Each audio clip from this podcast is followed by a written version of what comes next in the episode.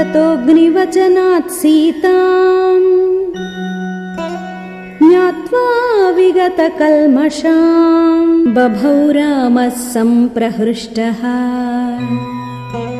पूजितः सर्वदैवतैः।